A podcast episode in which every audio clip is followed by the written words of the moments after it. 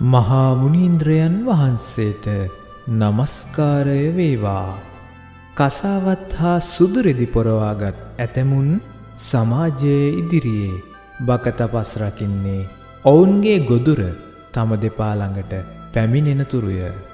දවස පුරාම තනි කකුලෙන් නිසොල්මන්ව සිටිමින් අමුතුරංගනය කෙදෙන ඔවුන්ට සමාජයෙන් සීලවන්තයා යන ගෞරවනාමයද හිමිවිය. බාහිර සංවරකමට පැහැදුණු මිනිසුන් ඔවුන්ට සියලු පුදසත්කාර කළද ඔවුන්ගේ සිල් බිදෙන්නට යන්නේ ස්වල්පවේලාවකි. තමාරමුණ දුටු සැනින් ඒ කරා ඔවුන් යන්නේ කලබල වූ සිතැතිව බකතපසින්මය.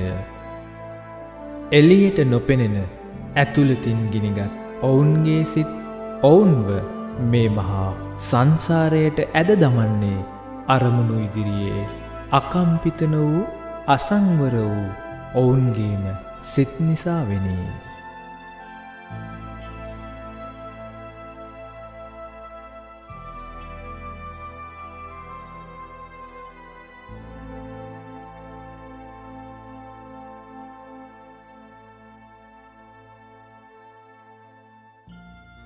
පින්වත්ම දෙනාම අදත් සූදානම් වන්නේ ධර්මය ශ්‍රවණය කරන්න. ධර්මය ශ්‍රවණය කලාම ඒ ශ්‍රවණය කරන ධර්මය තුළින් මේ සැම දෙනාගේ හිත් සකස් වෙන්න ඕන. නැතම් මේ තවත් බණක් විතරයි. දැන් අපේ සමාජයේ වචනයක් තියෙනුනේ බණ අහනවයි කියලා.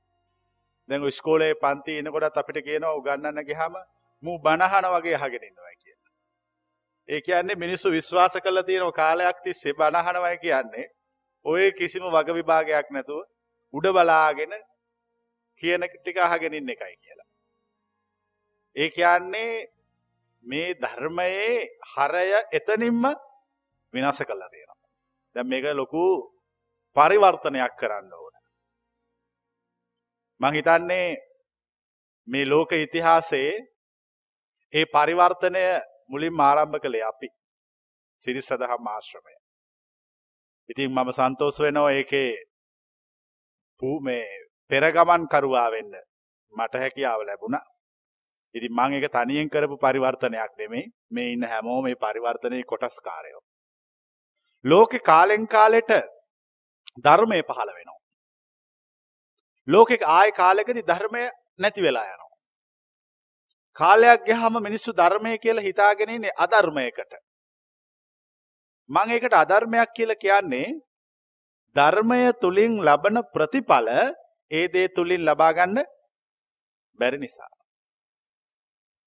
දැන් මම ඔයගොල්ලන්ගෙන් ප්‍රශ්නයක් අහනවා. අපි පුංචි කාලේ ඉඳලා බුද්ධ ධර්ම ඉගෙනගෙන තියෙනවා. හදාරලා තියෙනවා. මේ ඔක්කොම කරලා තියෙනවා. හැබැයි අපි ඉතිහාසය අහලා තිබුණාද කවදාකවත්? අපි ඉගෙන ගත්ත බුද්ධාගමෙන් නිවන් දැකීමක් ගැන? ඈ? අපේ හත්මුතු පරම්පරාවේ ආත්තල මුත්තල ආත්තලගෙත් ආත්තල. ඒ මුත්තලගෙත් මුත්තලවත් අපිට කියලා තිබ්බද පුතේ? ඔය දේ කළා. අපේ අහවල් කෙනා සංසාරයෙන් ගොඩ ගියා. එයා විමුක්තියටපත් වුණා කියලා. නෑ. හැබැයි බුද්ධ දේශනාවේ ත්‍රිපිටක ධර්මය අරගෙන බැලුවාම මුළු දේශනාවම පදනම් කළ තියෙන මොකක් මතද? නිර්වාණය මත. මෙතන ප්‍රශ්නයක් තියෙනවා. බුදුවරු දේශනා කරන්නේ මේ පවතින සම්ප්‍රදායික සාංසාරික පැවැත්මෙන් ගැලවිලා මේකෙන් උඩට ගිහිල්ලා මේක කඩාගෙන ගිහිල්ලා මේකෙන් සදාකාලික නිවීමට සදාකාලික ශාන්තියට සදාකාලික ගැලවීමකට පත්වෙන මාවතක්. හැබැයි අපි මේ ගැලවීමට පත්වෙන මාවතේ තියෙන දේශනා සජ්ජායනා කරනවා. උදේට කියවනෝ, හවසට කියවනෝ. දැන් බලන්න කරණීය සූත්‍රයේ කටපාඩම් අය අතුස්ස. ඔගොල්ලෝ ඔක්කොටම කටපාඩම්. හැබැයි ඔගොල්ලෝ ඔක්කොම වරද්දක් කරලා තියෙනවා. යම්කිසි කෙනෙක් කරණීය සූත්‍රයේ කටපාඩම් කළා නෙමෙයි. ඒක තියෙන දේ කළා ඉවර කළොත්. ඔහු අනාගාමී ආර්ය ශ්‍රාවකෙක්. හැබැයි මම අහන ප්‍රශ්නයක්. දැන් ওই කරණීය සූත්‍රේ කටපාඩම් කරේවේ කවුද? වැඩි හිටියෝ. නැත්තම් දහම් පාසලෙන් පාසලෙන් පන්සලෙන් ඉස්කෝලෙන් කොහෙන් හරි නැත්තම් තමුන්ගේ ඥාතිය. එයා ඒ ඒ එක්කෙනා අනාගාමී ආර්ය ශ්‍රාවකයෙක් වෙලා හිටියද? නෑනේ. එතකොට එයාගෙනුත් එහා එයාට කටපාඩම් කරපු එක්කෙනත් අනාගාමී ආර්ය ශ්‍රාවකයෙක් වෙලා හිටියද? නෑනේ. ඒ කියන්නේ මෙතන මොකක් හරි ප්‍රශ්නයක් තියෙනවා. ඒ ප්‍රශ්නය මොකක්ද? මේ අපි කරන දේශනා ප්‍රායෝගික නැහැ.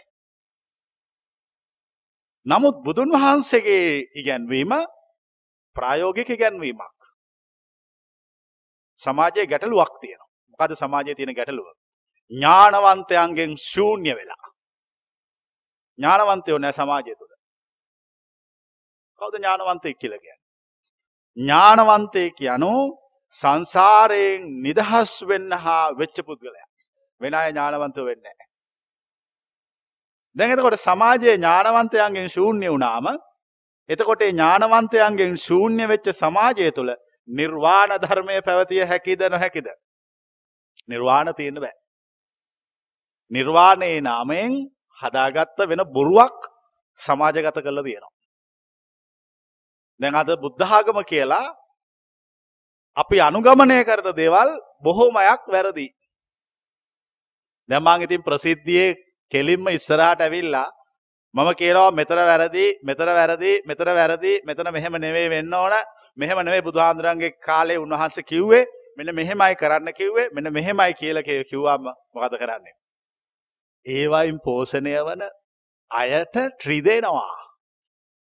එතකොට ඒගොල්ලෝ කල්පනා කරනවා මෙයා මේක දිගට කියන්න පටන් ගත්තොත් අපිට කන්න බොන්න නැති වේවි අපිට තියෙන වරප්‍රසාද හිමි වේවි ඒ නිසා මෙයා විනාශ කරන්න ඕන හැබැයි ඔවුන් විනාශ කරන්න කියලා කරන්න ඕන එක නෙවෙයි කරන්නේ නොකරන්න ඕනේ ඔකොන්න. මොකද්ද කරන්න ඕන දේ? එක දෙයයි තියෙන විනාශ කිරීම සඳහා.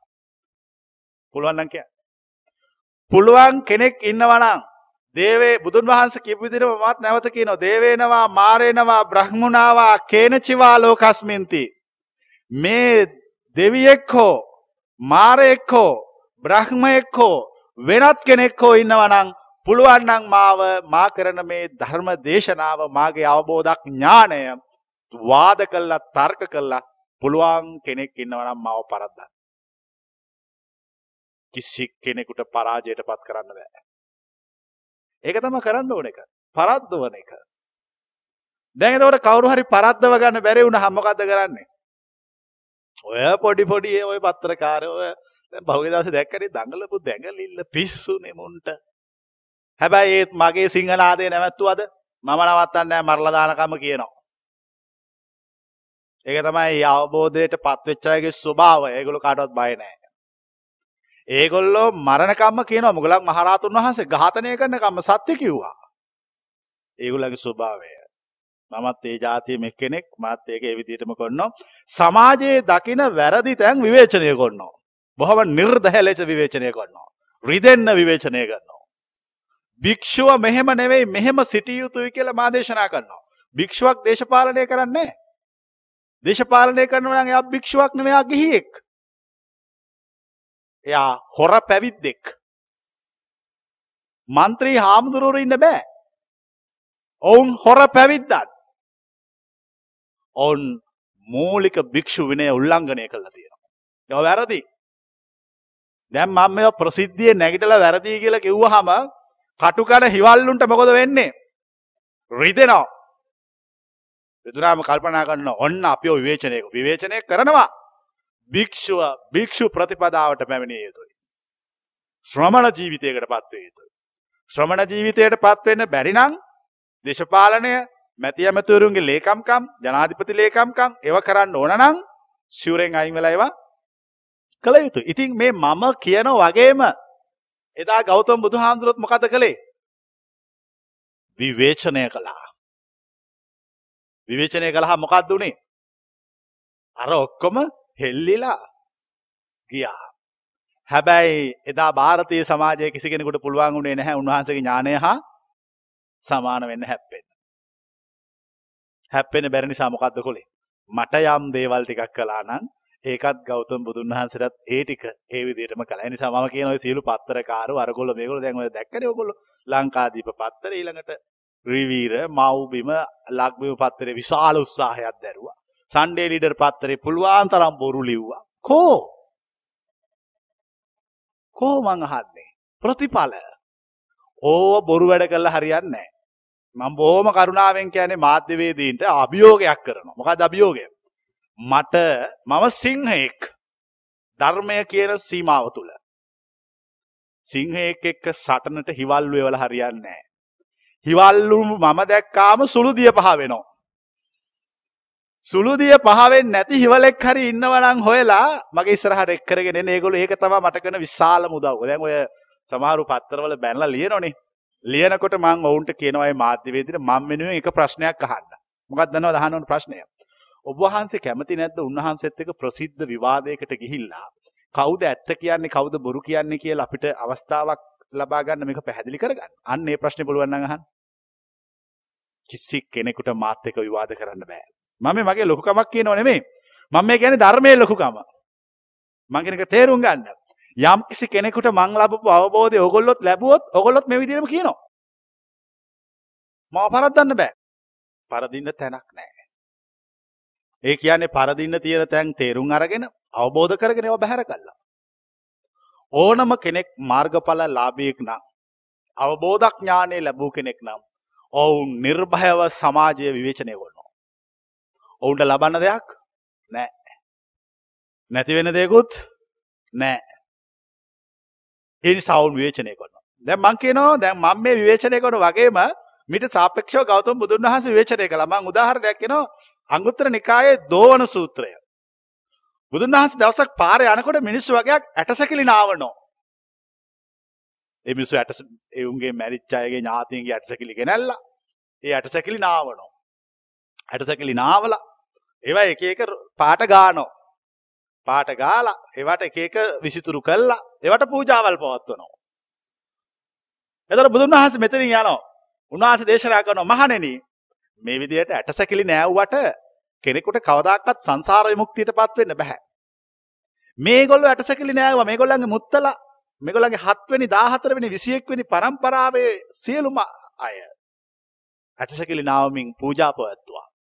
හැබැයි මේ ගොල්ලන්ගේ කිසි කෙනෙකුට ඒ කිසි කෙනෙකුට අවබෝධක් ඥානය පහළ වුණේ නෑ. මේවා ඔක්කොම බොරු වැඩ.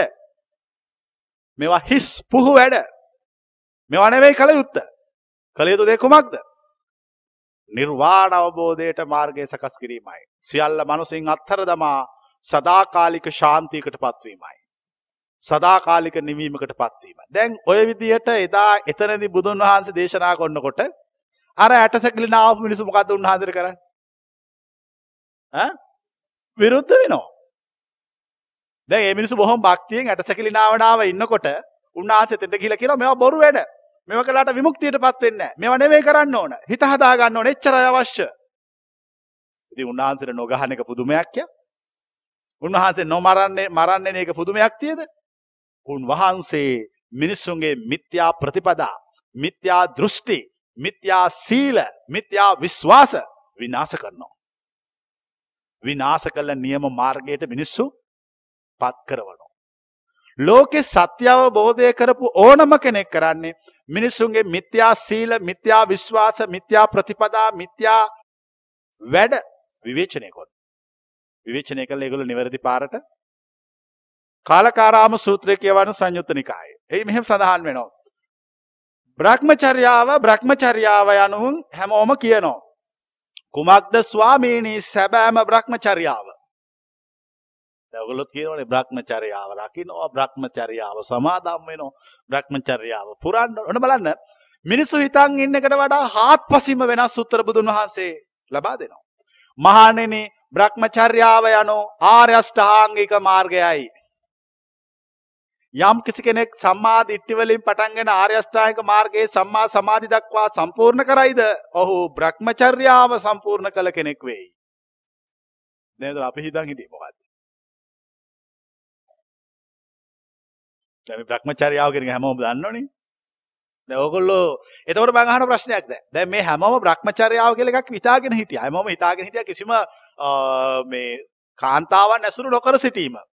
පිරිමියෙක් නම් කාන්තාවක් නම් පිරිමින් ආශ්‍රය නොකර සිටීම Brahmacharyaවේ කියලා. ඒක තමයි මිනිස්සු පිළිගත්ත සම්ප්‍රදායික සමාජීය විශ්වාසය. ඒක Hindu විශ්වාසයක්. ගෞතම බුදුන් වහන්සේ එළියට ඇවිල්ලා ඇඟිල්ල දික් කළා කියනකොට Brahmacharyaව කියන්නේ ඕක නෙවෙයි. Brahmacharyaව යනු ආර්ය අෂ්ටාංගික ඉතින් උතර උන්වහන්සේත් එක තරහ යන්නේ නැද්ද? උන්වහන්සේට ගහන එක පුදුමයක්ද? හැබැයි උන්වහන්සේ කියන දේ වැරදිද හරිද? හරියටම හරි. සැබෑ බ්‍රහ්මචර්යාව යනු ආර්ය අෂ්ටාංගික මාර්ගයයි. දැන් එතකොට දැන් මෙහෙම කියනකොට මේව අහන අයට තේරෙනවා මේ අපි හිතාගෙන ඉන්න එකට වඩා එහා එකක් තියෙනවා.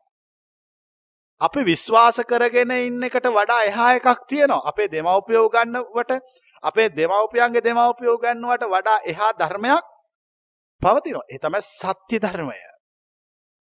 ඒක තමයි සැබෑ ධර්මය. ඒක තමයි නිවැරදි ධර්මය. දැන් අද දවසේ මා සාකච්ඡා කරන්න බලාපොරොත්තු වෙන්නේ සංවරභාවය පිළිබඳව. දැන් මේ සමාජයේ ලොකු ප්‍රශ්නයක් තියෙනවා. සංවරභාවය කියන්නේ මොකක්ද? අපි සමාජයේ ඉන්න අපි හැමෝම අපි දැන් මේ අයට ළමයි ඉන්නවා මෙතන ඉන්න මේ අයට. එතකොට මේගොල්ලෝ තමන්ගේ ළමයි මොනව කරන්න හදනවද? සංවර කරන්න හදනවා. මට ඕගොල්ලෝ උත්තරයක් දෙන්න. ඕගොල්ලෝ මෙච්චර කාලයක් ඕගොල්ලන්ගේ ළමයි, ඕගොල්ලන්ගේ හිතවතුන්, ඥාතීන්, සේවකයන් මේ විවිධ අය සංවර කළානේ.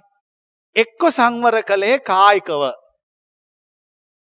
එක්ක සංවර කළේ වාචසිකව. මම අහන්නේ ඔයාලගෙන්. ඔයාලා මානසික සංවරභාවයක් උන්ට කියලා දුන්නද කියලා. නෑනේ.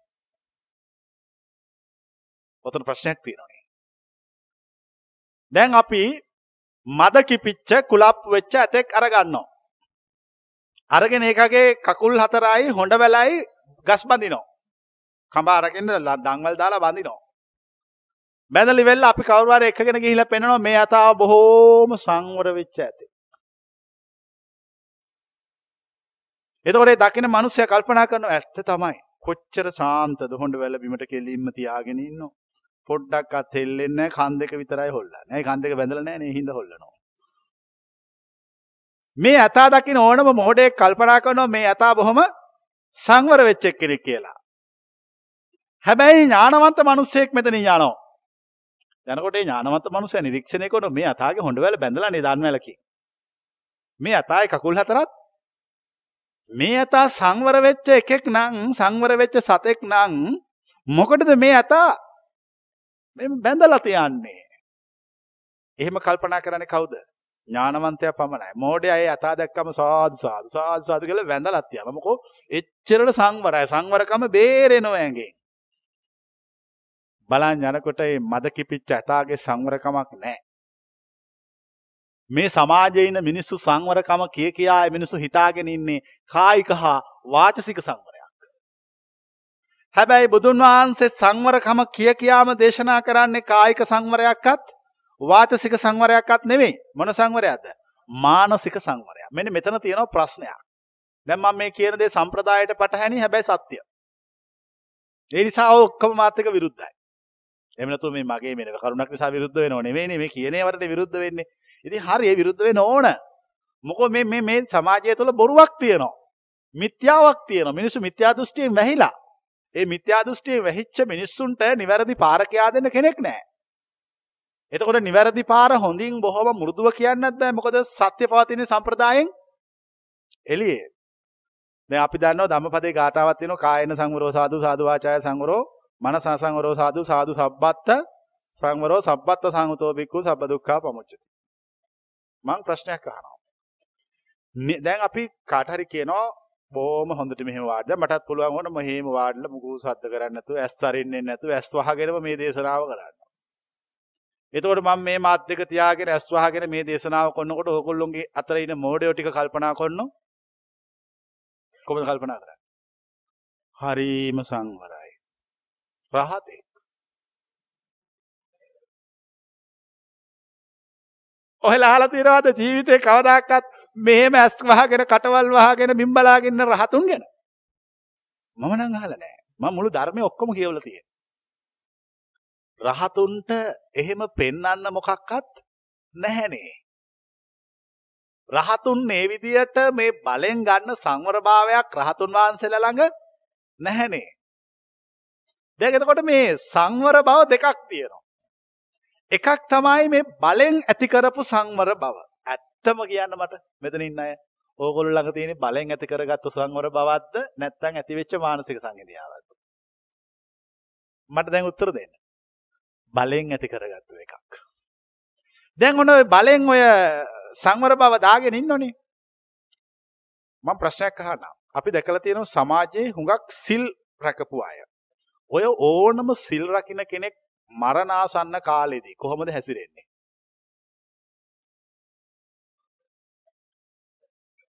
කලබල වෙනවා. සීලය එතකොට නැති වෙනවා. මම පුංචි කාලේ ඒවා දැක්කා. එතකොට මම කල්පනා කළා දැන් මේගොල්ලෝ අපි මේගොල්ලෝ අපි විශ්වාස කරන ඉතින් මේගොල්ලෝ මහා සිල්වතුන් කියලා. දැන් මේගොල්ලෝ මරණාසන්න වෙලා. මේගොල්ලෝ කෑ ගහනවා. මේගොල්ලන්ට සිහිය නැති වෙනවා. ඒ කියන්නේ මේගොල්ලන්ගේ මොකක් හරි අඩුවක් තියෙනවා. ඕගොල්ලන්ගෙත් ඒකම තියෙනවා. එතකොට දැන් මට තේරෙනවා ඒවට හේතු. මොකද්ද හේතුව? මේ හැමෝම කායික සංවරයක් බලෙන් නඩත්තු කළා. මේක හුඟක් කරන්නේ හාමුදුරුවරු.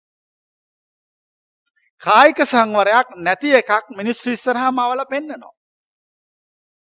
එතකොට මිනිස්සු කල්පනා කරනවා මෙවෝ මේ අය මෙවුන් මේ මානසික සංවරයකට පත් වෙලා කියලා. නමුත් එහෙම එකකට පත් වෙලා නැහැ. මුළු බුද්ධ දේශනාවම පදනම් වෙන්නේ මානසික සංවරයක් මත.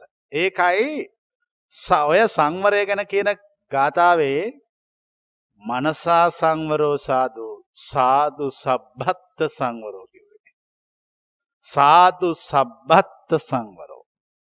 මනසා සංවරෝ සාදු සාදු සබ්බත්ත සංවරෝ කියන්නේ මානසික සංවරයමයි. දැන් අපි අත්බැඳල සංවරය කළාට එක සංවරයක්ද? නමුත් අපි කෙනෙකුට උගන්වනෝ සත්තු මැරීම, හොරකම් කිරීම, කාමමිත්‍යාචාරය කිරීම, බොරු කීම, කේලාම් කීම, හිස් වචන, පරුස වචන කීම මේවා වැරදි. මේවායින් අයින් වෙන්න. මේවා අත්හරින්න.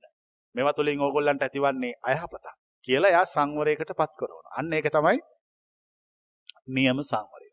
මං ඊළඟට ඕගොල්ලන්ට කියනවා දැන් මං කියවනේ මේ හැමෝම කායික සංවර වෙන විදිහ උගන්වලා තියෙනවා. වාචසික සංවර කරගන්න විදිහත් උගන්වනවා. දැන් හොඳයි දැන් මේ ආයතනය තුල අද දවස තුල අපි උගන්වන්නේ කායික සංවරයක්ද වාචසික සංවරයක්ද මානසික සංවරයක්ද? ඒ වුණාට කායික සංවරය කරන්න වෙන්නේ නැද්ද? මෙතන දැඟලුවත් මම බනින්නේ නැද්ද? කෑ ගැහුවත් මම වහාම පණිවිඩයක් එවන්නේ නැද්ද සද්ද වැඩි කියලා? නමුත් මම දන්නවා ඒක නියම සංවරය නොවන බව. දැන් මම ප්‍රශ්නයක් අහනවා. දැන් අපි කිව්වනේ ඕක් දෙක නෙවෙයි නියම සංවරය මානසික සංවරය කියලා. කොහොමද මිනිහෙක් මානසික සංවරයකට පත් කරවන්නේ? ක්‍රමයක් කියන්න දැන් මට. එක ක්‍රමයක් තියෙනවා. ඕගොල්ලන්ට උත්තර දෙන්න බැරි බව මම දන්නවා. අත්ුප්පනායක ධර්මයේ ඉගැන්වීම. අත්ුප්පනායක ධර්මයෙන් තොරව සීලයක් පවතින්න බෑ. සංයුත්ත නිකායේ සෝතාපට්ටි සංයුත්තේ වේලුද්්වාර සූත්‍රයේදී බුදුන් වහන්සේ වේලුද්්වාර බමුණාට අත්ුප්පනායක ධර්මය කියනවා. අත්ුප්පනායක ධර්මය දේශනා කළ උන්වහන්සේ කියනවා මෙන්න මේ අත්ුප්පනායක ධර්මයට සාපේක්ෂවයි සීලය ගොඩ නැගෙන්නේ. මොකද අත්ුප්පනායක ධර්මය යනවා. tamunට සාපේක්ෂව කල්පනා කොට බැලීම. මම මට කවුරු හරි හිංසා කරනවට මම කැමති නෑ. ඒ නිසා මං අන්න අයට හිංසා නොකළ යුතුය. අන්න අත්ුප්පනායක ධර්මය. දැන් බලන්න ඉබේම සංවරය ඇති වෙලානේ. දැන් බුද්ධ ආගම තේරෙනවද? මීට කලින් ඉගෙනගෙන තිබුණද මානසික සංවරයට ක්‍රමයක්? මේන කවුරුවත් දැනගත්තේ නැහැ. හැබැයි ඔන්න දැන් ක්‍රමය දන්න ඕන කෙනෙක් මානසික සංවරයට පත් කරවන්න පුළුවන් අත්ුප්පනායක ධර්මය ඉගෙනුවාම. මේ ගැන දේශනා කළා තියෙනවා සෝතාපට්ටි සංයුත්තේ වේලුද්්වාර සූත්‍රයේ වේලුද්්වාර බමුණාට ශ්‍රෝතාපට්ටි අංග ගැන කියනකොට සීලය ගැන කියනකොට. මම මගේ දේවල් හොරකම් කරනවට මම කැමති නෑ. ඒ නිසා මම අනිත් අයගේ දේවල් සොරකම් නොකළ යුතුයි.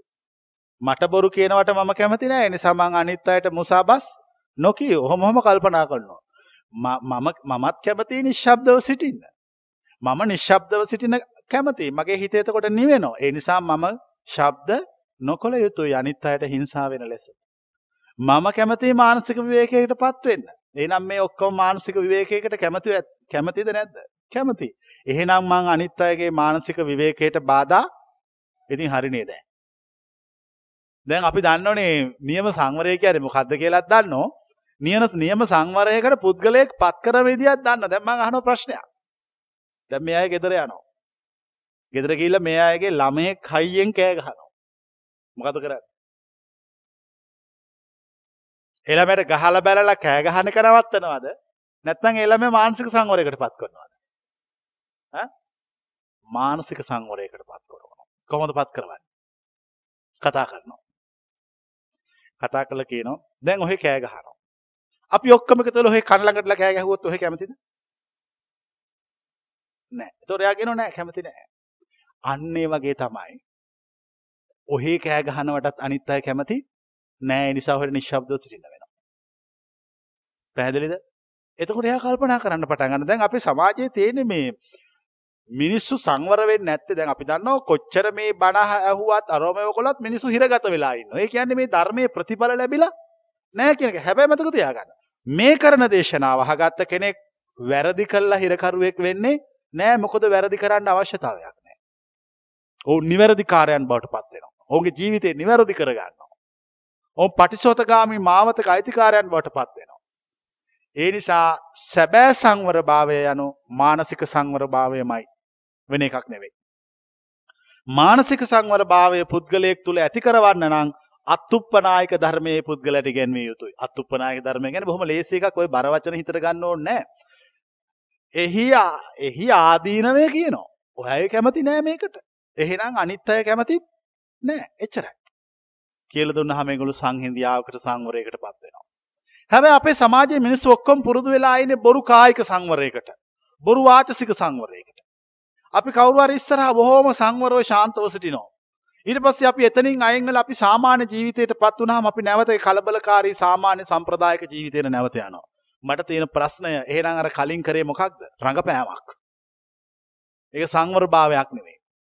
නියම සංවර භාවය යනු මානසික මනස සංවර කර ගැනීම. මනස සංවර කරගත්ත කෙනාගේ වචන කොහොමත් සංවරයි. දැන් සමහරු හිතන් ඉන්නවා මේ වචන සංවරයි කියන්නේ මොකද්ද? වචන සංවරයි කියලා කියන්නේ හරි දේ කියන්න බය වෙන එක නෙමෙයි. යමක් සත්‍ය නම් යමක් නිවැරදි නම් යමක් කිව යුතු නම් බෙල්ල කැපුවත් ඒක මැරුවත් ඒක කියනවා. යමක් හරිනම් ඒ හරි දෙයින් බොහෝ දෙනෙකුට යහපතක් වෙනවා නම් කොච්චර නරකක් කළත් ඒක කරනවා. පැහැදිලිද? ඒ නිවැරදි මිනිසයන් ඒ සත්‍යවාදී මිනිසයන්. ඒ නිසා මතක තියාගන්න මේ මිනිස්සුන්ට මේ බුදුදහමේ කියන ගැඹුරු පණිවිඩය මිනිස්සු මේක මේ අපි කියන්නේ ඒකට ඩුප්ලිකේට් එකක් හදාගෙන තියෙනවා දැන්. ඒක වැරදි. මේ මා දේශනා කරන එක තමයි හරිම එක. මා දේශනා කරන ධර්මයේ හරිම එකේ කියන්නේ මා කියන නිසා නෙමෙයි. ඒකට වැරදි කියලා පෙන්වන්න විකල්පයක් කිසිම මිනිස්සෙකුටවත් දෙවියෙකුටවත් මාරයෙකුටවත් බ්‍රහ්මයෙකුටවත් පෙන්වන්න බැරි නිසා. මේ එහා විකල්පයක් පෙන්වන්න බෑ. එකම නිවැරදි බුදුන් වහන්සේගේ ධර්මයේ පිළිබඳ පැහැදිලි කිරීම මේ කරන පැහැදිලි කිරීමයි. මේක නිවැරදි කවුරු හරි කියනවා නම් වැරදි කියලා ඒක තමයි මට කරන ලොකුම උදව්ව. හැබැයි වැරදි කියලා හැංගිලා දුවලා හරියන්නේ නැහැ. දුවලා අර මේ ගස් මුල් වල පඳුරු වස්සේ හැංගිලා හූ කියලා හරියන්නේත් නැහැ. හූ කියනවා නම් සිංහනාද කරනවා නම් කෙලින් ඉස්සරහට එන්න ඕනේ. ඇවිල්ලා කියන්න ඕන ඔතන අතන වැරදි මෙතන වැරදි මෙතන වැරදි. ඒතර මම කියනවා මේක මෙතන තියෙනවා මේක මෙතන තියෙනවා මේක මෙතන තියෙනවා කිය කිය ධර්මයේ තියෙන මේ සියල්ල පෙන්වා දෙනවා. ඒ නිසා මේ අපේ සාම්ප්‍රදායිකව අපි විශ්වාස කරන්නේ බොහෝ Hindu විශ්වාස. එහෙම නැත්නම් ජෛන විශ්වාස.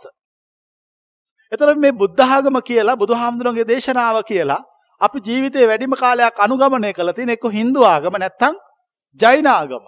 මොකද මේ ජෛන ආගම තමයි කායික සංවරය මත පදනම් වෙන්නේ. එහෙම නැත්නම් වාචසික සංවරය මත පදනම් වෙන්නේ. ජෛන ආගමේ දණ්ඩ තුනක් තියෙනවා. කාය දණ්ඩ, වචී දණ්ඩ, මනෝ දණ්ඩ. ඔය දණ්ඩ තුනෙන් ජෛන ආගමේ උගන්වනවා වඩා භයානක, වඩා ශ්‍රේෂ්ඨ මොන දණ්ඩේ කියලාද? කාය දණ්ඩය ශ්‍රේෂ්ඨයි. බුදුදහමේ උගන්වන්නේ කය වචනය සිත කියන දොර තුනක් තුන්දොරක්. ඔය තුන්දොරින් වඩාත් ශ්‍රේෂ්ඨ වඩාත් භයානක මොනදොරද? මනදොර සිත. දැන් මෙතන ආගම් දෙකේ පරස්පරයක් තියෙනවා. මජ්ක්‍ධිම නිකායේ උපාලි සූත්‍රයේදී උපාලි ගෘහපතියා බුදුන් වහන්සේත් එක්ක වාද කරන්නේ ඔන්න ඔය පරස්පරයට. උපාලි ගෘහපතිය කියනවා කාය දණ්ඩේ ශ්‍රේෂ්ඨයි කියලා. බුදුන් වහන්සේ කියනවා නෑ මනසයි ශ්‍රේෂ්ඨ කියලා. ඕම දෙන්න කතා කරගෙන කතා කරගෙන යනකොට උපාලිට තේරෙනවා බුදුන් වහන්සේ නිවැරදි බව, හරි බව. සියල්ල මනස මතයි පදනම් වෙන්නේ. මානසික සංවරයක් ගවේෂණය කළ යුතුයි. මානසික සංවරයකට වැඩපිළිවෙලක් හැදිය යුතුයි. හැබැයි අපේ සමාජයේ ඉන්න බොහෝ දෙනා මානසික සංවරයක් නෙවෙයි ගවේෂණය කරන්නේ බොරු කායික සංවරයක් බොරු වාචසික සංවරයක් උගන්න උගන්න යනවා. ඒ වාචසික සංවරයෙන් සැබෑ සංවරය කෙනෙකුගේ ඇතිවන්නේ නැහැ. දැන් සීලය කියන්නේ මොකද්ද? මතක තියාගන්න සීලය කියන්නේ සිත, කය, වචනය කියන තුන්දොරම සංවර වෙන්න ඕන. කය වචන සංවර වුණාට සීලයක් වෙන්නේ නැහැ. දැන් අපි වෙන කය වචන සංවර කරගන්නවා. කය වචන සංවර කරගන්නේ කියලා මුකුත් කතා නොකර ඉන්නවා. මේ මේ දැන් මම සිල්වත්ද? උත්තර දෙන්න. මගේ ඇතුලේ සිතුවිලි තියෙනවා. ලෝභය, ද්වේෂය, මෝහය, ඊර්ෂ්‍යාව, වෛරය, කුහකකම, ක්‍රෝ මේ ඔක්කොම වැඩ කරනවා ඇතුලේ. නමුත් මම මේ මුඩින් ඕම ශාන්ත වැස් වහගෙන එරමෙනිය ගොතාගෙන ඉන්නවා. එතකොට ඔයගොල්ලෝ බාහිරව මන් දිහා බලලා කියනවා මම සිල්වත් කියලා. නමුත් මම අහන්නේ ඇත්තටම සිල්වත්ද කියලා. නෑනේ. ඒක හරියට කලයක් අරගෙන ඒ කලයට අසූචි පුරවලා ඒකේ හොඳට කට වහලා ලස්සනට චිත්‍ර ඇඳලා. එතකොට මේ අසූචි කලේ දකින මිනිස්සෙක් මේ කලේ දිහා බලලා කියනවා මේ කලේ කොච්චර ලස්සනද? මේ කලේ තියෙන චිත්‍ර කියලා කලේ කරේ තියාගෙන යනවා. ඇයි? ඒකේ ලස්සන නිසා. හැබැයි මේ මෝඩයා දන්නේ නැහැ. ඒක ඇතුලේ අසූචි පුරවලා තියෙන විදිය. අන්න ඒ වගේ තමයි කෙනෙක් වාචසික සංවරය, කායික සංවරය බලෙන් ඇති කරගත්තොත්. මම කියන්නේ බලෙන් ඇති කරගන්න එක නෙමෙයි. ඉබේ ඇති වෙන එකක්. ඉබේ ඇති කරවන විදියත් මම උගන්වනවා. ඒ උගන්වන විදිය තමයි අත්ුප්පනායක ධර්මයේ ඉගැන්වීම. ගෞතම බුදුන් වහන්සේ ಭಾರತೀಯ මීට අවුරුදු 2600කට කලින් ඉගැන්වෙත් මේකම තමයි. පැහැදිලිද? තියෙන ප්‍රශ්නය මේ දේශනාව එදාට සාපේක්ෂව සරල කළා කියනවා. දැන් බලන්න දැන් මම මේ කොහෙන් දේශනාවක් කිව්වත් මං කියනද මේක අහවල් තැන තිබ්බ කියලා. දැන් ඔයගොල්ලෝන්ට මේ දේශනාව සත්‍යය කියලා පිළිගන්න එක හේතුවක් තමයි මේ කියන හැම එකටම කෝට් කරනවා. කෝට් කරනවා කියන්නේ මොකද්ද? මේ ත්‍රිපිටක සූත්‍රවල අහවල් සූත්‍රයේ මෙන්න මේ මං කියන ඉගැන්වීම තියෙනවා කියලා කියන. එතකොට කෙනෙකුට ඒක පිළිගන්න පුළුවන් වෙනවා. ඒකට සාක්ෂියක් ඉදිරිපත් කරනවා. දැන් මම ඔයගලන්ට කිව්වා සංවර භාවය ගැන. මම කිව්වා නියම සංවරය මානසික සංවරයයි කියලා. මම ඒකට හේතු කියන කාරණේකුත් සූත්‍රයක් ඉදිරිපත් කළා. ඒ තමයි වේලුද්වාර සූත්‍රය. වේලුද්වාර බමුණාට බුදුන් වහන්සේ කරන දේශනාව අත්ුප්පනායක ධර්මයේ පිළිබඳව. නියම සංවරයටපත් වෙන්න නම් ඔය කියන දේවල් දැනගන්න ඕන. හැබැයි බලන්න අපේ දැන් අපිත් මමත් මේගොල්ලොත් මේ අපි හැමෝම කලින් මේක දන්නේ නැති නිසා අපි හිතන් හිටියා මෙහෙම අත්පය අකුලගෙන නිශ්ශබ්දව හිටියහම අපි සිල්වතෙක් කියලා. හැබැයි අපිට ප්‍රශ්නයක් තිබ්බා. අපේ ඇතුළාන්තයේ සිතුවිලි පිරීලා තිබ්බා. ඒතකොට අපිට කල්පනා වුණා අපි සිල්වත් නම් අපි ආර්ය මාර්ගයට ප්‍රවිෂ්ඨ වෙලා නම් ඇයි මේ ඇතුළත නලියන්නේ? ඒ කියන්නේ මේ අපි දන්න දේ දේශනාවේ මොකක් හරි ප්‍රශ්නයක් තියෙනවා. මේක නෙවෙයි බුදුහාමුදුරුවෝ කියප එක. මේක නෙවෙයි හරි ධර්මය. මොකද්ද හරි ධර්මය? හරි ධර්මය කියලා කියන්නේ නිවැරදිවම සිත නිවන පිළිවෙල. කවුරු හරි කෙනෙක් සිත සදාකාලයකටම නිවලා දැම්මනම් ඔහු ශාන්තියකටපත් වෙනවා. ඔහු ඒකට පාර මාර්ගය අසාගත යුතුයි. හැබැයි සත්‍ය දේශනා කරන අය සම්පූර්ණ ප්‍රතිවිරුද්ධ මාවතක් දේශනා කරනවා. දැන් මම කලින් දෝවන සූත්‍රය ගැන කිව්වා මිනිස්සු ඇටසැකිලි නාවනාව ඉන්නවා. ඒතර බුදුන් වහන්සේ කියලා දේශනා කරන ඇටසැකිලි නාවට සංසාර විමුක්තියට පත්වන්නේ නැහැ. ඒතකොට මේ මිනිස්සු බුදුන් වහන්සේට විරුද්ධ වෙනවා. නමුත් ඒත් උන්වහන්සේ එකම දේශනා කරනවා. කිසිම දවසක සංසාර විමුක්තිය ලබන්න නම් සසරෙන් ගැලවෙන්න නම් මේ ඉපදීමෙන් මරණයෙන් සදාකාලික නිදහස් වෙන්න නම් එය මනස සංවර කිරීමකින්ම කළ යුතුයි. මැරෙන්න අකමැති අය අත උස්සන්න සදහටම. ඉපදෙන්න කැමති අය උත්සන්න බලන්න ඉස්සෙල්ලා. ආ ඉපදෙන්න මගේ නම් බලාපොරොත්තුවක් නෑ වැඩක් නෑ ඉපදුනහම හරි වදයි කියන අය කරදරයි කියන අය උත්සන්න. ආයි මැරෙන එකත් ආයි ආයි මැරෙන එකත් කරදරයි කියන අය උත්සන්න. ඒකට නම් අත උස්සන මොකද මැරෙන්න කැමති නෑ කවුරුවත්. දැන් එතකොට හැමෝම බලන්න මේ ඉපදීමෙන් නිදහස් වෙන්න නෙවෙයි මරණයෙන් නිදහස් වෙන්න. එතකොට කෙනෙකුගේ හිතට සංවේදී වෙන්න දේශනාවක් පවත්වන කෙනෙක් එයාට කියන්න ඕන මරණයෙන් නිදහස් වෙන මාවතද ඉපදීමෙන් නිදහස් වෙන මාවත. මරණයෙන් නිදහස් වෙන මාවත. මොකද මැරෙන්න කැමති නැහැ. හැමෝම අමරණීය වෙන්න උත්සාහ ගන්නවා. මරණය නැති කරන්න උත්සාහ ගන්නවා. මම ප්‍රශ්නයක් අහනවා. මරණය නැති කරන්න පුළුවන්ද? පුළුවන්. මරණය නැති කිරීම යන කුමක්ද? සදාකාලික ශාන්තියට පත්වීමයි. මේ උගන්වන නිර්වාණය අවබෝධ කිරීමයි. නිර්වාණය අවබෝධ කරන්නේ කොහොමද?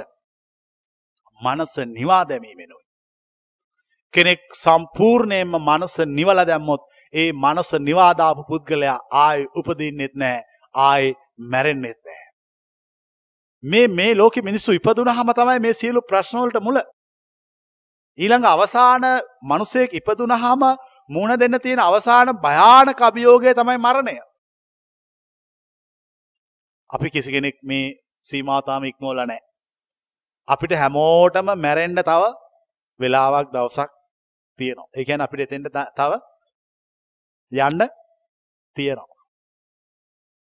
හවදා එතනින් ගැලවෙන්න පුළුවන්ද බෑ හැබැයි මම මේ කියන මාවතය ගියොත් මේක හිත පුරුදු කොලෝතින් සිතෙන් සිතුවිලි සම්පූර්ණ ඉවත් කළ දාලා මානසික සංවරයට පත්තු නෝතින් ඒ මානසික සංවරයට පත්වෙච්ච පුද්ගලයා මරණයෙන් සදහටම නිදහස් වෙනවා.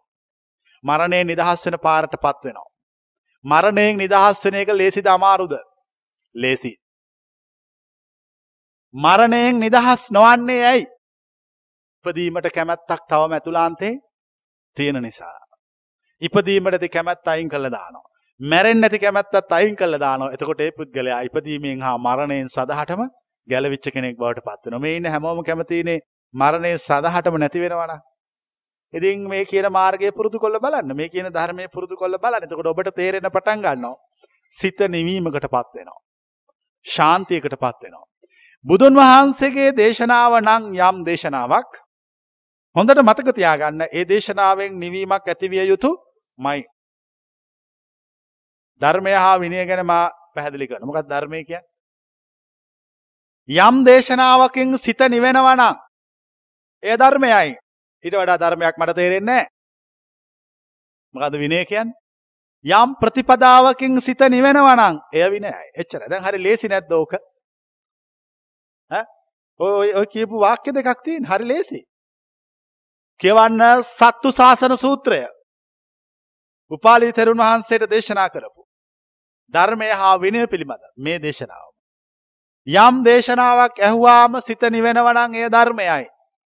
යම් ප්‍රතිපදාවක් අනුගමනය කළහම සිත නිවෙනවනං ඒක විනයයි. දැන් ඕගොල්ලන්ට ධර්මය හොයාගන්න බැරිද පුළුවන්නේ.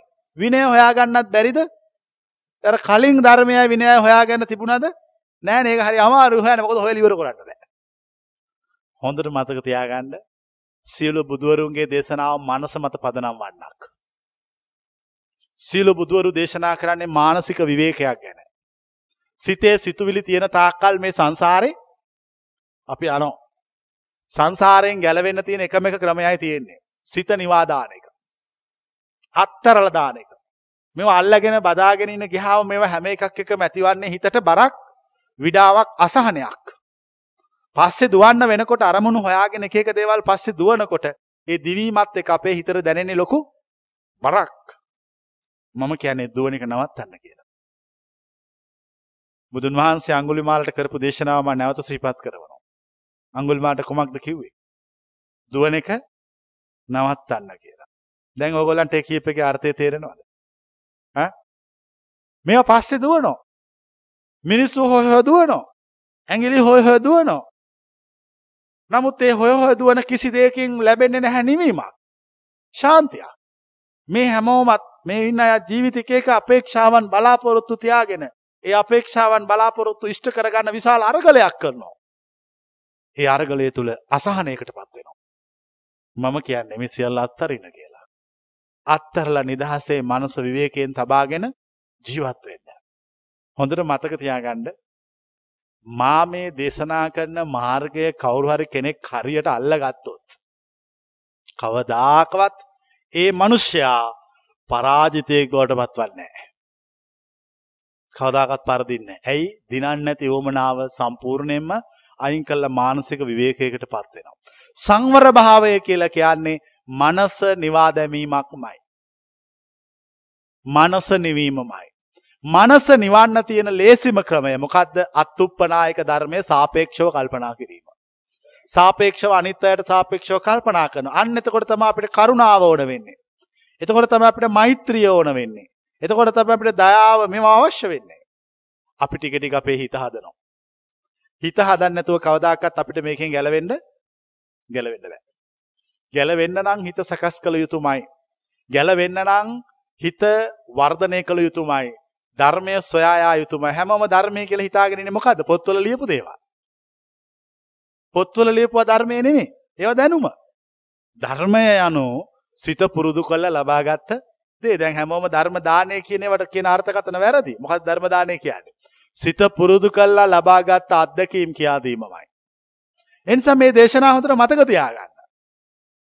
මේවා හොඳට මතක තියාගෙන කල්පනා කරලා බලන්න මේ කියන ඒවා ඇත්තද බොරුද කියලා. මම ඒකයි බය නැතුව අභියෝග කරන්නේ මේ කියන ඒවා. දැන් මම ධර්ම දානය කියලා යම් පැහැදිලි කිරීමක් කරනවා. මම කියන්නේ ධර්ම දානය කියලා තමොන් හිත පුරුදු කරලා ලබාගත් අත්දැකීම්. එහෙම නැතුව පොත්පත් කියවලා කවුරු හරි ධර්ම දේශනාවක් කරනවා නම් එයා ධර්ම දානයක් දෙනව නෙවෙයි. එයා ආමිෂ දානයක් දෙනවා. දැනුම බෙදා දෙනවා. එයා ලබාගත්ත දැනුම කියන දැන් කවුරු හරි ත්‍රිපිටක සූත්‍රයක් කියවන හොඳට. කියවලා මතක තියාගන්නවා. මතක තියාගෙන ඇවිල්ලා ඒක උගන්වනවා. ඔහු මොන දාණය දෙන්නේද? ආමිෂ දානයක් දෙනවා. මොකද දෙන ආමිෂ දාණය? දැනුම දාණය සඳහා දෙනවා. ඒක ධර්ම දානයක් නෙමෙයි. ඇයි ඒක ධර්ම දානයක් නොවන්නේ? ඔහු තව මේ කියන දේ සාක්ෂාත් කොල්ලා නැති නිසා. යම් දවසක ඔහුට ඒ දේ සාක්ෂාත් වුණා නම් ඔහු අන්න එදා ඉඳලා ධර්ම දාණය දෙන්න පටන් ගන්න. කොහොමද ධර්ම දාණය දෙන්නේ? ඔහු කියනවා මම මේක සාක්ෂාත් කළා. මං අවබෝධ කළා මේක. මේක හරි. මේක හරි නිසා මං දැන් ඔයාලට කියනවා මෙන්න මේමයි මෙතෙන්ට යන්න ඕන. අන්න ඔහු ධර්ම දාණය. එතන ධර්ම දාණය යනු ලබාගත් අත්දැකීම් කියා දීමමයි. හැබැයි මේ සමාජයේ මිනිස්සුන්ට ඔක්කොම වැරදිලා. මිනිස්සු ධර්ම දාණය කිය කියා දැනුමක් කිය කියා දුවනවා. හැබැයි ඒ අපි බුදුන් වහන්සේගේ දේශනාව අනුව ධර්ම දාණයනේ ශ්‍රේෂ්ඨම දාණය. නමුත් ශ්‍රේෂ්ඨම දාණය සල්ලි වලට යට වෙලා. ඇයි? දැනුම සල්ලි වලට දෙන්න පුළුවන් පොත් අච්චු ගහලා දීලා ධර්ම දාණය වෙන්නේ නැහැ. මේවා වැරදි ඔක්කොම. එතකොට පොත් අච්චු ගහලා දෙන එක ධර්ම දාණය නම් වැඩිම පොත් අච්චු ගහන්න පුළුවන් වැඩිම සල්ලි තියෙන මිනිහට. එහෙනම් ධර්ම දාණය මොකටද යට උනේ? ඉතින් මං අහන ඔය තර්ක වලට පුළුවන් නම් උත්තර දෙන්න. ඔය ඔය නගන ප්‍රශ්න, ඔය නගන අභියෝග වලට පුළුවන් జగතෙක් ඉන්නවා නම් පිළිතුරු දීලා කියන්න ඔය ඔය වහන්සේ කියන එක නෙමෙයි ඇත්ත. මෙන්න මේකයි කියලා. කිසිම මිනිස්සෙකුට දෙවියෙකුට මාරයෙකුට බ්‍රහ්මයෙකුට කිසිම කෙනෙකුට මේ කියන ඒවා බොරුයි කියලා දෙවෙනි කරන්න පුළුවන් කමක් නැහැ. මේ කරන දේශනාව තමයි ලෝකේ තියෙනා වූ එකම එක සත්‍ය. මීට වඩා සත්‍යයක් ආයේ තියෙන්න බෑ. ඉතින් ලෝකේ එකම එක සත්‍ය දේශනා කරනකොට බොරුවෙන් ජීවත් වෙන මිනිස්සුන්ට හිතෙනවා. ඒක සාමාන්‍ය දෙයක්. එතකොට මේ මිනිස්සුන්ට හිතුණා මේ මිනිස්සු අභූත චෝදනා නගනෝ. ඒකත් සාමාන්‍ය දෙයක්. ඒක ඉතිහාසයේ ඉඳලම වෙන සිද්ධියක්. අපි මේක තේරුම් ගන්න ඕන. තේරුම් අරගෙන අපි දැනගන්න ඕන මේක තමයි හරි ධර්මය. මෙතනින් එහා ධර්මයක් හරි එකක් නැහැ. මේක හරි ධර්මය කියලා කියන්නේ අවබෝධ කළ නිසාම නෙමෙයි. මේක පරද්දන්න කෙනෙක් නැති නිසා. මේක පරද්දන්න කෙනෙක් එන්නේ නැහැ කවුරුවත්. ඒ කියන්නේ මීට වඩා හරි එකක් තියෙන්න බෑ. මේ ලෝකේ එකම බුද්ධිමතා මම නෙවෙයි. එකම ඥානවන්තයත් මම නෙවෙයි. තව බුද්ධිමතුන් ඥානවන්තයන් මේ මනුෂ්‍ය ලෝකේ ඉන්නවා. හැබැයි මම අභියෝගයක් කරනවා. මම මේ දේශනා කරන ධර්මයේ අඩුවක් තියෙනවා. කාට හරි පුළුවන් නම් කියන්න ඕක නෙමෙයි ඇත්ත ඔතනින් එහා තවත් එකක් තියෙනවා කියලා. අන්න බං ඉස්සරහට එන්න. ඇවිල්ලා සෙනග ඉස්සරහා. මාධ්‍ය ඉස්සරහා. ඕවා ප්‍රශ්න කරන්න හැංගිලා කරන්න එපා. එතකොට ඒකේ වටිනකමක් නැහැ. මම එකක් දන්නවා කවුරුවත් ඉස්සරහට ප්‍රශ්න කරන්න එන්නේ නැහැ. ඉස්සරහට ප්‍රශ්න කරන්න එන්නේ නැතුව අර වගේ වටෙන් වටෙන් එක එක මොන දේවල් කරත් ඒ දේවල් වල කිසිම ප්‍රතිඵලයක් නැහැ. ඕනම මුනිවරයෙකුට ශාන්තුවරයෙකුට බුදු කෙනෙකුට රහතෙකුට රහත් මාර්ගයේ යන්නෙකුට ඒගොල්ලෝ සත්‍ය දැනගත්තාම ඒ ඒගොල්ලන්ට දැනෙන්නේ මේ සම්ප්‍රදාය තියෙන එක නෙවෙයි. හොඳට මතක තියාගන්න. ඊට වඩා වෙනස් එකක්. ඒ වෙනස් එක තමයි ඒගොල්ලෝ එක එක විදියට විවේචනය කරමින් සමාජයේ දොස්පරුස් දකිමින් මිනිස්සුන්ට කියන ඕක නෙමෙයි ඇත්ත. ඔතනින් එහා තවත් සත්‍යයක් පවතින බව දැන් මම සංවරභාවය ගැන කිව්වා. සංවරභාවය ගැන මම දේශනා කළ මම අන්තිමට සාරාංශයක් වශයෙන් කිව්වා සංවරභාවය යනු මානසික සංවරයයි කියලා. දැන් කෙනෙක් ඇවිල්ලා මගෙන් එහෙම මට මෙහෙම කිව්වොත් ඔබ වහන්සේ කියන ওই මානසික සංවරය විතරක් නෙමෙයි සංවරය. කායික සංවරයත් සංවරයක් කියනවා. එයා කියන එක හරිද වැරදිද? කියනවා කවුරු හරි කෙනෙක් ඇවිල්ලා මට කියනවා ඔබ වහන්සේ කියන ওই මානසික සංවරය විතරක් තිබිලා මදි. කායික සංවරයක් තියෙන්න ඕනේ කියලා. හරිද වැරදිද? වැරදි. එතකොට මං අහන ප්‍රශ්නයක් හොඳයි. මානසික සංවරයෙන් පරිබාහිර වූ කායික සංවරයක් ගැන මට කියන්න. එහෙම ගන්න. ඒ කියන්නේ කය සංවර වෙන්නේ හිතින් හිත හිතුනොතින් විතරයි. දැන් පැහැදිලිද? දැන් ඕගොල්ලෝ මේ සිතෙන් පාලනය කරන එක සම්පූර්ණයෙන් අත්හැරලා දැම්මොත් මොකද්ද වෙන්නේ? අර ආවේශ වෙච්ච මිනිස්සු දැකලා තියෙද? අර අතපය නට නට මෙහෙම මෙහෙම යන්නේ. එහෙම දැකලා නැද්ද? දැන් එතකොට මං අහන ප්‍රශ්නය. ඒගොල්ලෝගේ සංවරය තියද? කායික සංවරයක් නැහැ. ඒගොල්ලෝගේ කායික සංවරයක් නැති වෙන්න හේතුව මොකද්ද? මානසික සංවරයක් නැති වෙච්ච එක. මම කියනවා මානසික සංවරයෙන් පරිබාහිර වෙච්ච කායික සංවරයක් තියෙන්න බෑ. ඒ වගේම මම කියනවා මානසික සංවරයෙන් පරිබාහිර වෙච්ච වාචසික සංවරයක් තියෙන්නත් වචනේ සංවර වෙන්නත් හිත අවශ්‍යයි කය සංවර වෙන්නත් හිත අවශ්‍යයි. ඒනං සංවරය යනු කුමක්ද? දැන් සංවරය කියන වචනේ පොදු ගුණාකාරය මොකද්ද? මානසික සංවරය. දැන් අපි කෙනෙකුට සැබෑවටම කරුණාවක් තියනවා. කෙනෙකුට සැබෑවටම ආදරයක්, මෛත්‍රියක්, ස්නේහයක් තියනවා. අපි එයා කායික සංවරයේ පිහිට විය යුතුද? වාචසික සංවරයේ පිහිට විය යුතුද? මානසික සංවරයේ පිහිට විය යුතුද? මානසික සංවරයේ පිහිට විය යුතුයි. කෙනෙකුට සැබෑවටම කරුණාවක් තියෙනම් ඒ සැබෑම කරුණාව ප්‍රකාශ කරවන්නේ ඒ පුද්ගලයාට මානසික සංවරයට පත්වෙන විදිය කියා දිය යුතුයි. අන්න එතකොට අපි කියනවා ඔහුට සැබෑම කරුණාව තියෙනවා. දැන් සංවරය කියන වචනේ තේරුණාද? දැන් කලින් හිතන් හිටියේ මොකක්ද? දැන් මේ ඒකයි මේ සමාජයේ සංවරය කිව්වද මම උනත් කිව්වොත් මෙතන ඉන්නට අද සංවරව ඉන්න හැමෝම බිම්බලාගෙන වාඩි වෙලා මෙහෙම අතපය අකුලගෙන නිශ්ශබ්දව සිටිනවා. හැබැයි ඔවුන් මොහොතකටවත් ඔවුන්ගේ සිත ගැන කල්පනා කරන්නේ නැහැ. ඔවුන්ගේ සිත තොර තෝංචයක් නැතුව වැඩ. කම්මලක යකඩ තලනවා වගේ. පත්තර කන්තවලක පත්තරච්චු ගහනවා වගේ. අර ගල් බෝර ගහන දෙනක බෝර ගහනවා වගේ. මූදක රැළ ගහනවා වගේ. ඉවරයක් නැතුව මේ සිතේ සිතුවිලි ජනිත කරනවා. මේ සිතුවිලි ජනිතවීම නිසා අපිට විඩාවක් දැනෙනවා. දැන් අපිට ඕන වෙනවා මේ සිතුවිලි ජනිතවීමෙන් නිදහස් කරගන්න. එහෙනම් අපිට ඕන වෙනවා අපි මෙතෙක් කල් ගියපු පාරෙන් එහා පාරක් සොයාගන්න. ඒ තමයි පටිසෝතගාමී මාවත. සියලු බුදුවරු දේශනා කරන මාවත තමයි පටිසෝතගාමී මාවත නිර්වාණ අවබෝධය සඳහා. පටිසෝතගාමී මාවතෙන් පරිබාහිර වෙච්ච නිර්වාණයක් ගැන කතා කරන්න බෑ. සම්ප්‍රදායකව මිනිස්සු හිතන එකෙන් අනිත් පැත්තට හිතන්න පටන් ගන්නවා. ඒ අනිත් පැත්තට හිතාගෙන හිතාගෙන හිතාගෙන යනකොට අපිට අවබෝධ වෙනවා හේතුව හා ඵලය ගැන. අපි සමාජයේ මිනිස්සු බොහෝ වෙලාවට දකින්නේ ඵලයක් විතරයි. ඔවුන් හේතුව දකින්නේ අපි හිතමු මෙහෙම. දැන් මෙතන බිම කුණු වැටිලා තියෙනවා. අපි කොස්සක් ගෙනල්ලා කුණු අතු ගාලා දානවා. ඊට පස්සේ තව ටික වෙලාවකින් නැවත කුණු වැටිලා තියෙනවා. එතකොටත් අපි අතු ගානවා. අතු ගාන ගමන් අපි බලනවා ඇයි මෙතෙන්ට කුණු වැටෙන්නේ කියලා. බලනකොට එතන වහලේ මොකක් හරි ලීයක් දිරලා මොකක් හරි ප්‍රශ්නයක් වෙලා. දැන් තවත් මිනිස්සෙක් අතු ගන්න එනවා. එයා අතු ගන්න වෙලා කල්පනා කරනවා මම මෙතන අතු ගෑවට වැඩක් වෙන්නේ නැහැ. තව ටික වෙලාවක් ගියාම නැවත කුඩු වැටිලා මෙතන අපිරිසිදු වෙනවා. මම කළ යුත්තේ කුමක්ද? අර ලීය ගලවන්න ඕනේ. අර දිරච්ච ලී අයින් කරන්න ඕන. අන්න ඒ වගේ මං ඔයාලට කියනවා ඔයාලගේ හිතේ පවතින ක්ලේශයන් දිහා බලන්න එපා. හිතේ පවතින නරක සිතුවිලිම බල බල ඉන්න එපා. පස්සෙන් පස්සට පස්සෙන් පස්සට යන්න සිත සිත ඔස්සේ පස්සෙන් පස්සට ගිහිල්ලා බලන්න ඇයි මේ නරක සිතුවිල්ල ඇති උනේ? ඇයි මගේ හිතට මේ නරක දේවල් එන්නේ? මොකක් නිසා දෙන්නේ? ඒම හොයාගෙන හොයාගෙන යනකොට අන්තිමට අහුවේවි මොකක් හරි එක තියෙන බැඳීමක්. මං කියන දේ හොයලා බලන්න. මොකක් හරි බැඳීමක් අහු වෙනවා. එතකොට කල්පනා කරන එහෙනම් මේ සියලු පෞකාර සිතුවිලි වලට මූලික හේතුව බැඳීමක්. එක්ක ගැටීමක්.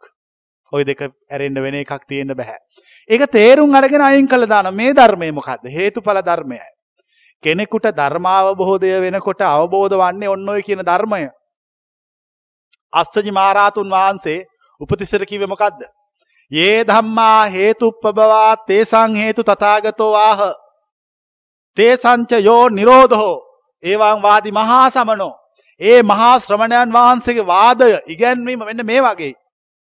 යමක් හටගන්න හේතුව තියෙනම් හේතුව ගැන උගන්නනවා. ඵලය ගැන උගන්නනවා. ඒ හේතුවෙහි නිරෝධය ගැන උගන්නනවා. බුදුදහම යනු හේතුව හා ඵලය ගැන කරන විග්‍රහයක්. හැබැයි අද සමාජයේ මිනිස්සු බුද්ධාගම කියලා හිතාගෙන ඉන්නේ ඵල දහමක්. ඵල ඵල අයින් කළා දානවා. මම කියන්නේ බුදුදහම කියන්නේ හේතු ඵල දහමක්. අපි අයින් කළ යුතු වන්නේ ඵලය නෙවෙයි. හේතුව අයින් කළ යුතුයි. මුල සොයාගෙන යා යුතුයි. දැන් මෙතන ඉන්න කාට හරි බඩගින්නක් හැදෙනවා. එක සැරේටම ගිහිල්ලා කන්නේ නැහැ. කල්පනා කරනවා අනිත් පැත්තට. බඩගින්නක්. ඇයි බඩගිනි උනේ? මෙහෙම හොයාගෙන හොයාගෙන හොයාගෙන හොයාගෙන ගමන් කරනවා. ගමන් කරනකොට අපිට හම්බ වෙනවා හේතුව. ඊට පස්සේ අපේ හිතට තරහක් එනවා. බලන්න මේ හේතුව බලන විදියට හිත පුරුදු කරන ක්‍රම. තරහක් එනවා. දැන් තරහ ආපු බව ඇයි තරහ ආවේ? පස්සෙන් පස්සට පස්සෙන් පස්සට පස්සෙන් පස්සට යනවා. ආන්න හේතුව අහුවෙනවා. හේතුව අයින් කරනවා. හිතට රාගය එනවා. ඇයි රාගය ආවේ? පස්සෙන් පස්සට පස්සෙන් පස්සට හිතේ ගවේෂණය කරගෙන යනවා. පේනෝ හේතුව. හේතුව අයින් කරනවා. යමකට ආශාවක්, ලෝභයක්, මොකක් හරි සිතුවිල්ලක් පහළ වෙනවා. පහළ වෙච්ච ගමන් ඒක පහළ වෙච්ච බව දැනගන්නවා. දැනගෙන විතරක් මදි. දැන් තව එකක් කරන්න ඕන මොකද්ද? හිටි ගමන් පස්සෙන් පස්සට යන්න ඕන හිත ඇතුලේ. පස්සෙන් පස්සට ගිහිල්ලා එය හටගන්න හේතුව ගවේෂණය කරන්න ඕන. ගවේෂණය කළ අයින් කළ යුතුද නැද්ද? නෑ අයින් කරන්න ඕනේ ගවේෂණය කළත් අරින්න. ගවේෂණය කරපු ගමන් ඉබ්බේම අයින් වෙනවා. ඒ කියන රහස අපි අපි හොයනවා හැමතිස්සෙම. දැන් ඒතර මේ කවුරු ගැනද ඔබ ගවේෂණය කරන්නේ? අපේ සිත ගැන. මතක තියාගන්න මෝඩ මිනිස්සු තමුන්ගේ සිත ගැන ගවේෂණය කරන්නේ නැතුව ලෝකේ තියෙන කුණු ගොඩවල් හොය හොය යනවා. අරයාගේ මෙයාගේ අඩුපාඩු දුර්වලකම් හොය හොය යනවා. ඕගොල්ලෝ අද ඉඳලා ඕගොල්ලන්ගේ සිත ගවේෂණය කරන්න. මම මේ උගන්වන්නේ මම කරපුවා. හේතුඵල දහම තේරුම් ගැනීම පිණිස එක එක අනුගමනය කරපු උපක්‍රම යමක් හිතට ආවහම ඒ ආපු දේ ගවේෂණය කර කර ඉන්නේ නැහැ. ඒ ආපු දේ ආවේයයි කියලා ගවේෂණය කරගෙන යනවා. එතකොට මට හේතුව අහු වෙනවා. එතකොට මං හේතුව දැනගන්නවා. හේතුව දැනගත්තාම මං හේතුව එතකොට මගේ හිතින් බැහැර වෙනවා. හේතුව බැහැර වුණාම නැති වෙන්නේ හේතුව නෙවෙයි ඵලය. ඒ කියන්නේ මගේ සිත ඒ මාර්ගයෙන් පිරිසිදු වෙනවා. දැන් මේ එක එක මාර්ග ඔස්සේ පිරිසිදු කරනවා. පිරිසිදු භාවයට පත් කරනවා. ඒ පිරිසිදු භාවයට පත් වූ අවසානයේ තමයි මාර්ගඵල ඥානය කෙනෙකුට අවබෝධ වන්නේ. ඒ නිසා මම නැවත කියනවා මේ සෝවාන් තත්ත්වයට පත්වෙන එක අමාරු නෑ. ඒක අමාරු එකක් නෙවෙයි. හැබැයි ඒකට මාවත සකස් කරගන්න හරිම්ම දහම අහන්න ඕන. මිනිස්සු හරි දහමේ කියලා බොරු දහම් අහහා යනවා. අනික සෝවාන් නොවෙච්ච කෙනෙකුගෙන් සෝවාන් වෙන එක ගැන අහලා වැඩකුත් නෑනේ. ඒක තේරුමක් නැති තර්කයක්. දැන් ඔයගොල්ලන්ට මං කියනවා මාව විශ්වාස කරන්න. මම මේ කන නැතුව මහාන වෙච්ච කෙනෙක් නෙවෙයි. ඒක මතක තියාගන්න. දෙමව්පියෝ මැරිලා කවුරුවත් කාත් කවුරුවත් නැති නිසා ඇවිල්ලා මහාන වෙච්ච කෙනෙකුත් නෙවෙයි. ඉගෙන ගන්න බැරි නිසා අපලයකට මහාන වෙච්ච කෙනෙකුත් නෙවෙයි. මේක කල්පනා කරන්න. අපි ඇවිල්ලා තියෙන්නේ මේකට මේක ඇත්ත නැත්ත සොයාගෙන මේකෙන් යන්න. ඇවිල්ලා මේක කැලැම්බුවා. හා මිනිහෙක් මල්ලා ගියාම ඔය ගෝත්‍රිකයෝ ඔවුන් මාළු තියෙන වලකට බහිනෝ. බැලලා ඔවුන් මොකද කරන්නේ? මුළු වලම මඩ කරනවා. මුළු වලම මඩ කරලා ඉවර වුණායින් පස්සේ අර හැංගිච්ච මාළු ටික එකෙකුටවත් හැංගිලා ඉන්න බැරි වෙනවා. ඇයි? වලම මඩ කළා.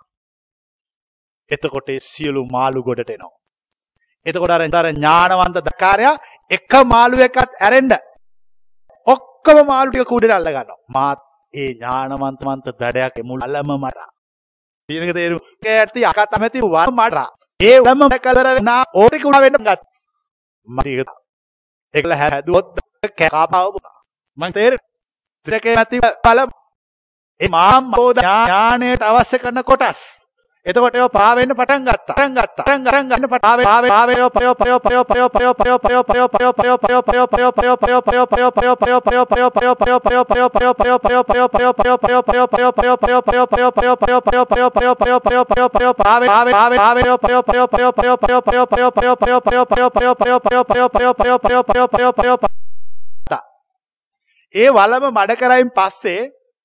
එතකොට අර හැංගි මාළුන්ට හැංගිලා ඉන්නත් බෑ. ඇයි හැංගිලා ඉන්න බැරි? ඇයි මඩ වුණයින් පස්සේ මාළු අනිවාර්යෙන් උඩට එන හුස්ම ගන්න. බිලී පිත්ත දාලා අල්ලන්න ගියා නම් මොකද්ද වෙන්නේ? මේ ආත්මය අල්ල ගන්න හම්බ වෙන්නේ නැහැ. බිලී පිත්තකින් මාළු වලන එක හරි අකාර්යක්ෂමයි. ඒ වගේ මේ ත්‍රිපිටකය කියන මාළු වලට ඥානය නැමැති බිලී පිත්ත දැම්මහම අහුවෙන්නේ එක සැරේට එක්කෙනයි. මදි ඒක. ඊට වඩා ඇඟේ පතේ හයියත් වැඩි හින්දා මොලෙත් වැඩි හින්දා වලට බැහැලා එක සැරේටම ජකිරිබිකිරි ගහලා මුළු වඩම මඩ කළා. ඒ අවශ්‍ය කොටස් ටික අල්ලලා එකතු කරලා දාගෙන ඒක උයලා කන්න ඕන. එකතු කරගත්තට මං කියනව තේරෙනවද? දැන් අද ගිහිල්ලා ගියා ඒ හාඳුරුව මේ මාළු වලලා තියෙනවා. මේ මාළු වලක් මඩ කොල්ලා තියෙනවා. ඒ මඩ කරයි පස්සේ තමයි ඔක වෙලා තියෙන්නේ කියලා. කියන එක හරියට ග්‍රහණය කරගන්න ඕන. මෙයා මේ මොකක්ද එකක් කියන්න හදනවා. උපමාවක් කියනවා. ඒ නිසා මතක තියාගන්න මං විදියට මොහෙලත් මේ මාළු වල මඩකොලොත් මේක තියෙන ඔක්කොම ටික. හැබැයි ඒක ලේසි වැඩක්. ඔය වල මඩ කරන්න පටන් ගත්තාම මොකද්ද කරන්නේ? සමහරු ඒක විරුද්ධව ඒකෙන් හැමදාම මාළු බාපු මිනිස්සු ඇයිලා කියනවා මෙන්න මේක මුළු වලම මඩ කළා අපිට මාළු කන්න තියෙන එක අද ඉඳලා නැති කරා. අපි හැමදාම දවසට එක මාළුවෙක් ගානේ අල්ලගෙන ගියා මේ වලෙන්. මේක එක සැරේටම ඇවිල්ලා වලට බැස්සා. බෑලා මුළු වලම වඩ කොල්ල ඔක්කොම ටික දවසේ ඇල්ලුවා. ඔවුන්ගේ චෝදනාව සාධාරණද අසාධාරණද? සාධාරණයි. ඇයි? ඔවුන් දවසට එකා ගානේ අල්ලගෙන. ඒ මොකටද අල්ලගෙන තියෙන්නේ? යැපීම සඳහා, පැවැත්ම සඳහා. හැබැයි අලුත් මාල්ලුකාරයෙක් ඇවිල්ලා මුළු වලම වැඩ කළා එක දවසේ වැඩේ ඉවර කළා පැවැත්ම නැති කළා. පැහැදිලිද මේ කියන එක? පැවැත්ම නැති කළා. ඒ කියන්නේ හරිම දේ කළා.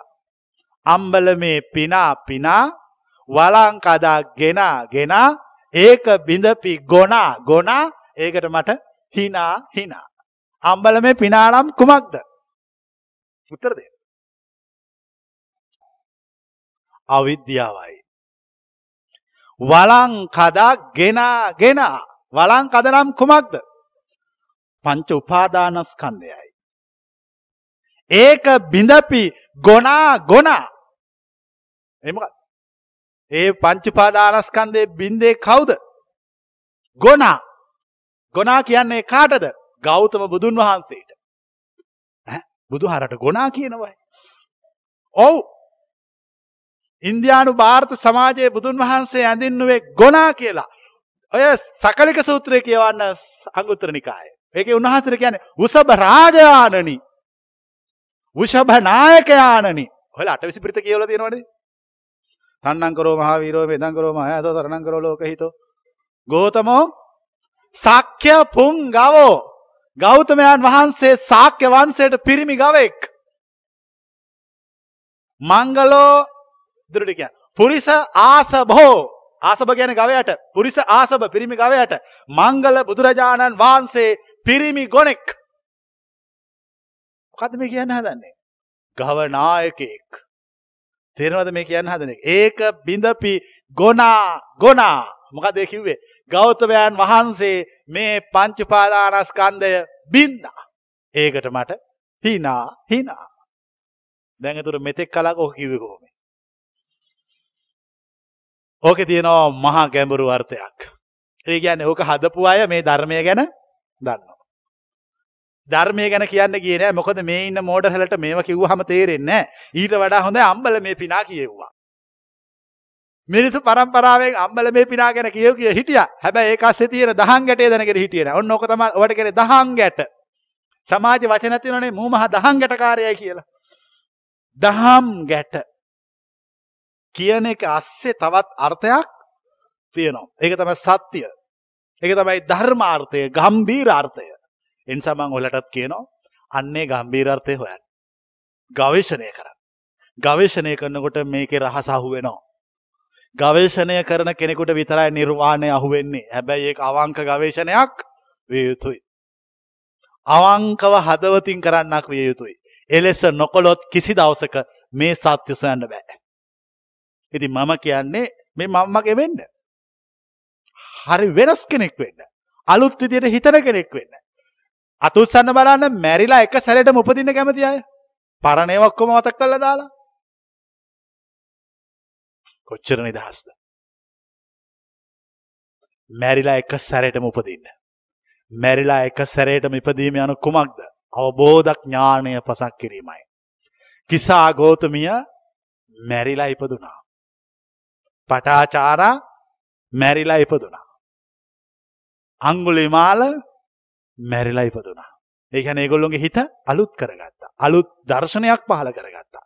අලුත් මාවතක් තේරුම් ගත්තා. ජීවිතය වෙනස් කරගත්තා. ජීවිතය වෙනස් කරගෙන සදාකාලෙටම දුකින් නිදහස් වුණා. ඒ සියලු දෙනාම සදාකාලික ශාන්තියකට නිවීමකට නිර්වාණ සාක්ෂාත් කිරීමට පත් වුණා. ඉතින් මම ප්‍රාර්ථනා කරනවා. මේ පැහැදිලි කරන නිවන් මඟ තේරුම් අරගෙන ඒ උතුම් සදාකාලික ශාන්තියට පත්වෙන්න මේ හැම දෙනාටම මාර්ගය පහළ වේවා.